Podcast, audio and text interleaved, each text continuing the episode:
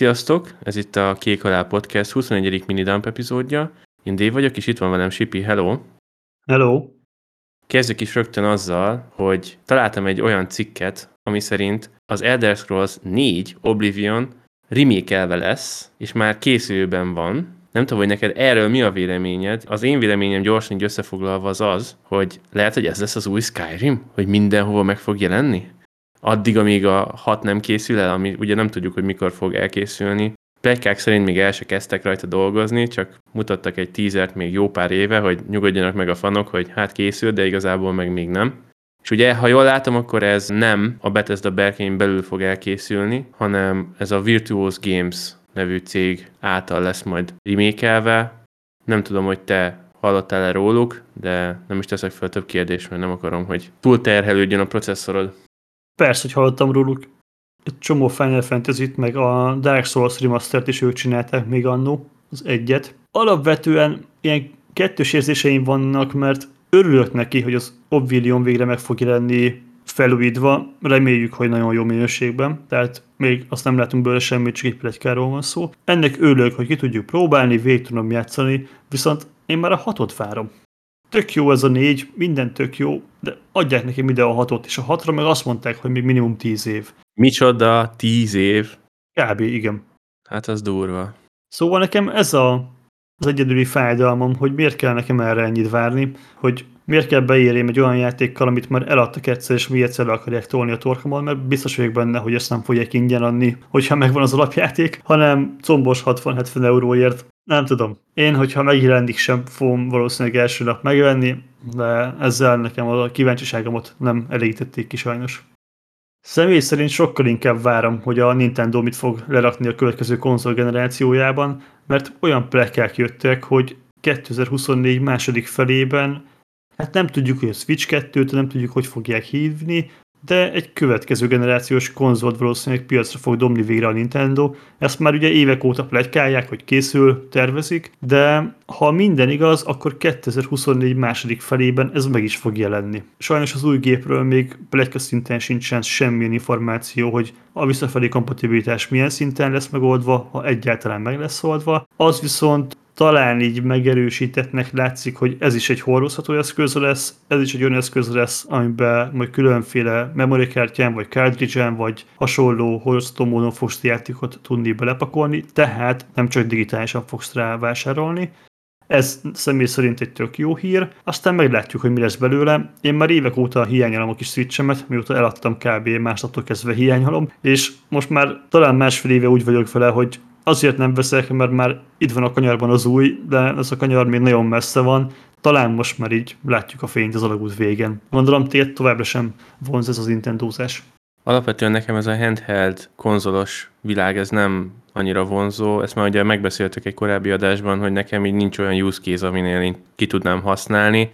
Nintendo játékok közül meg nagyon kevés van, ami úgy ténylegesen érdekelne, és emiatt pedig nem fogok kiadni ennyi pénzt hogy vegyek egy tényleg egy dedikált konzolt ezért a két-három játékért, ami így tetszik, szóval én inkább megpróbálom ezeket ignorálni, és így kizárni, hogy nehogy elcsábuljak, mert tudom, hogy ha azokat végigjátszanám, akkor utána ki tudja, mikor venném elő. Na, de van neked egy nagyon jó hírem, mégpedig a szívedhez legközelebb álló játékfejlesztő cég, mégpedig a Ubisoft, az most húzott egy olyat, hogy augusztus 9-éig egy dollárért elő fogsz tudni fizetni egy hónapra a Ubisoft Plus-ra. Ami egy baromira jó deal, azt kell tudni róla, hogy ugyanaz a szokásos előfizetési rendszerről van szó, minden egyes Ubisoft játékot elérsz ebben. Annyi a különbség például az Xboxhoz képest, hogy itt nem csak a standard edition hanem a fullos teljes verziós játékot fogod tudni kipróbálni, végigjátszani, hogyha egy hónap alatt meg tud őket tenni. Nem tudom, neked most van valami a listán, ami még így kimaradt, belenéznél, fogsz élni ezzel a lehetőséggel? Azért az eléggé túlzás, hogy a szívemhez legközelebb álló stúdió, ha bár tényleg nagyon sok játékuk megvan, és nagyon sok órát játszottam Ubisoftos játékokkal, de amik érdekeltek, azok mind megvannak már, ott vannak a library-ben, szóval, hogyha én előfizetnék, akkor nem tudom, hogy mit kapnék itt pluszba cserébe, ez az egy eurós deal, ez tényleg azoknak szól, akiknek nincs ennyi Ubisoftos játékuk, és mondjuk szívesen kipróbálnák azokat, amik így a wishlistükön vannak, vagy gondolkoznak rajta, hogy megvegyék, és várnak egy jó akciózásra. Őszintén szólva, én most per pillanat nem tudnám mire használni ezt, de tényleg mindenkinek ajánlom, hogy aktiválja be, augusztus 9-ig megteheti, és akkor egy hónap ingyen játék szinte, ez az egy euró, az nem sok pénz ezért. Na de ugorjunk is szerintem a következő témánkra, szerintem neked lesz egy jó hír, vagy hát egy nagyon jó change, hogy a PlayStation-nek az új szoftverében, szoftver frissítésében most már ki tudod kapcsolni azt, hogy ne csipogjon, amikor bekapcsol, meg kikapcsol. Nem tudom, hogy ez mennyire zavaró. Megmondom őszintén, nekem nem volt zavaró soha, de lehet, hogy másoknak igen, hogyha már egyszer megcsinálták ezt a módosítást. Téged ez hogy érint?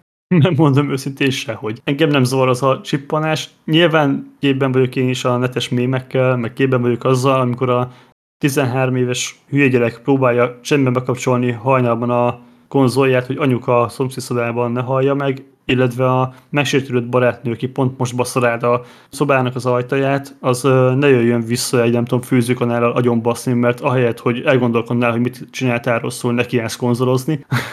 De ezt leszámítva, én nem fogom kikapcsolni, én szeretem most a hangot, legalább tudom, hogy bekapcsolt, és nekem ez így nem probléma, de tök jó, hogy az internetnet hogyan működik, mert felkapta azt az egyetlen update ebből az egész frissítési csomagból, ami a legkevésbé számít valamit. Tehát az, hogy most már supportálja a Dolby atmos és támogatva van a 8 terabájtos SSD is, valamint bekerült ezzel a frissítéssel a hozzáférhetőségi kontrollereiknek a támogatása is, az így olyan szinten lett így alsó bekezdésben leírva, mit tudom én, ötös betűmérettel, hogy valami hihetetlen, de a nagyképen az van, hogy végre kikapcsolható bip-bip. Tök vicces.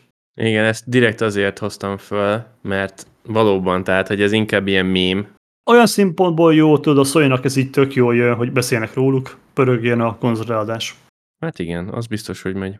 Na jöjjön a heti nagyágyú, megjelent a Baldur's Gate 3, és ha jól tudom, akkor te erre nagyon rá vagy pörögve, és szeretnéd megvenni, és ezzel kapcsolatban most egy pár ilyen info, ami másokat is érdekelhet. Jelenleg az Open Critic-en 100%-on van a Critics Recommend, szóval a kritikusok által mindenki ajánlja, és az átlagos értékelés 92 a 100-ból, szóval nem tudom, hogy te hogy vagy vele, de lehet, hogy elkiabáltok, és túl korai volt az a jóslatunk, hogy az Zelda lesz a Game of the Year, mert elképzelhető, hogy a Baldur's Gate 3 az meg fog vívni ezért a címért, meg a te pénzedér is, és ahogy láttam, már az AI-jal elkészült hozzá egyfajta magyarítás, ami nem tudom, hogy mennyire jó és mennyire átfogó, de az már mindenképpen egy csoda az én szememben, hogy ilyen hamar, ilyen nagy mennyiségű anyagot le tudtak fordítani magyarra, és a Steam charton pedig azt lehet látni, hogy szinte napról napra egyre több játékos játszik egyszerre vele, Jelenleg 621.843 ember játszott vele egy időben, ez a rekord eddig, de szerintem ez majd még menni fog föl a napokban, ahogy így beindult ez a pozitív hurok, hogy mindenki mondja, hogy mekkora királyság, és ajánlja másoknak, és valószínűleg ez még tényleg emiatt följebb fog kúszni. Azért nem hiszem, hogy eléri majd a milliót, de aztán lehet, hogy rám cáfol. Te mikor fogod megvenni? Inkább ez a kérdésem.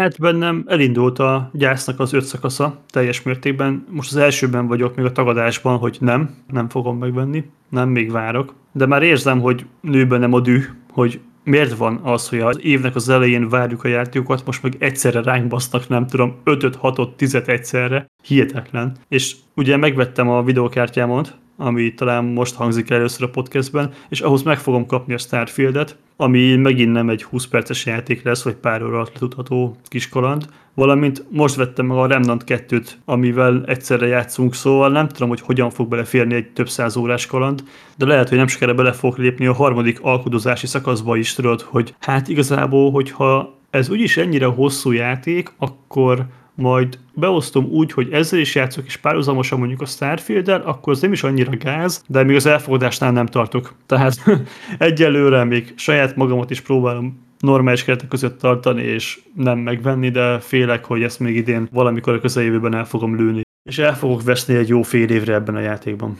Azt már említettem neked, hogy ha a videokártyádhoz jár a Starfield, én azt a kupont szívesen elkobzom tőled, és bevállalom azt, hogy én lereviewzom azt a gémet, mert amúgy engem is érdekel, de annyira nem feltétlenül, hogy kiadjak érte annyit, amennyiért vesztegetni fogják majd Steam-en, szóval ezt majd megbeszéljük. De zárjuk szerintem a hetet egy kevésbé populáris témával, de mégis hozzánk azért szerintem közelebb áll, vagy legalábbis hozzá mindenképpen. Héten volt az Exile-kon, ahol a Path of Exile-nak a második részét vesézték, kimutatták be nekünk a fejlesztők, és meglepő módon én belenéztem az ilyen-olyan streamekbe, meg a videókba, és azt a kurva, tehát, hogy nagyon részletesen bemutatták a játéknak az újításait. Pont egy olyan videót kaptam el, ahol a fejlesztő csávó megmutatta, hogy az egyes ilyen grafikai elemeket hogyan oldották meg, és milyen problémákba ütköztek. Ezt tudom, hogy így fejlesztői szemmel más, mint hogyha egy ilyen laikus ember hallgatja, de valahogy nekem nagyon érdekes volt, hogy milyen megoldásokat alkalmaznak itt-ott, amott. Az új játékmechanikai elemek is egész biztatónak tűnnek, és szerintem mindenképpen adni fogok neki egy esélyt. Az is fontos hír, hogy nem úgy lesz megoldva, hogy fölülírja a Path of Exile első részét, és az most már nem lesz elérhető, hanem két külön játék lesz, és teljesen el szeparálva szinte minden, viszont amit a Path of Exile 1-ben megvettél, ha jól értettem a közleményből, akkor az át fog menni a kettőbe. Ez szerintem mindenképpen egy nagyon-nagyon jó change, és így szerintem meg is tartják azokat a playereket, akik az egyen nagyon játszanak. Én nem tartozok azok közé, akik úgy Isten igazából gyűlölik a Diablót, ez szerintem így ez egy nagyon finom kijelentés, de nagyon sokan fikázzák a játékot, és a Petafixájban találták meg azt, amit ők kerestek volna a Diablo 2 után, és most elkezdődött ez a netes vita, hogy hát akkor Diablo 4 az RIP, mert hogy a Petafixál ilyen jó lesz, olyan jó lesz, amolyan jó lesz. Hát nem tudom, én bízok benne, hogy tényleg egy jó game lesz, de szerintem nem kell függetlenül a másik gémet így savazni. Én inkább azt remélem ettől a Exile 2-től, hogy a Blizzard kicsit észhez tér, és jobban ráfekszik a játékra, és tényleg sikerül nekik olyan állapotra felhozni a Diablo 4-et, hogy az tényleg egy méltó vetélytárs legyen, és így szerintem mind a két community jól fog járni. Nem tudom, Sipi, te tervezel játszani majd ezzel, vagy neked ez túl bonyolult, mert ugye azt mindenki tudja, hogy a Petafixel ez egy eléggé komplex, deep játék. Amikor megnyitottam a Petafixel egynek a talent fáját, akkor annyira messzire futottam, hogy még most is keresem a visszautat teljesen elrettentett, és én nagyon fogok neki örülni, hogyha a Diablo 4-nek a season ki tudom maxolni még ebben a néhány hónapban, ameddig tart, illetve majd remélem fogunk ketten is játszani még Dio 4-et, aztán lehet dungeonozni ott, de nekem ez a PoE 2, ez nem fog beleférni semmilyen szinten, sajnos. Minden esetre majd egy ilyen rövid összefoglalót berakok ide a leírásba, hogy akit érdekel, az meg tudja nézni, le tudja csekkolni, de szerintem záratjuk az adást. Köszönjük, hogyha ideig meghallgattátok, és reméljük, hogy tetszett nektek. Hogyha van kedvetek beszélni az elhangzottakról, valamint hogyha van bármilyen kérdésetek hozzáfűzni valótok, akkor gyertek és csatlakozzatok a Discord szerverünkhöz, valamint kövessetek be Twitteren és Instán, lájkoljátok a posztjainkat, és értékeljetek minket a kedvenc podcast applikációtokban. Jövő héten találkozunk, addig is jó játékot, sziasztok! Sziasztok!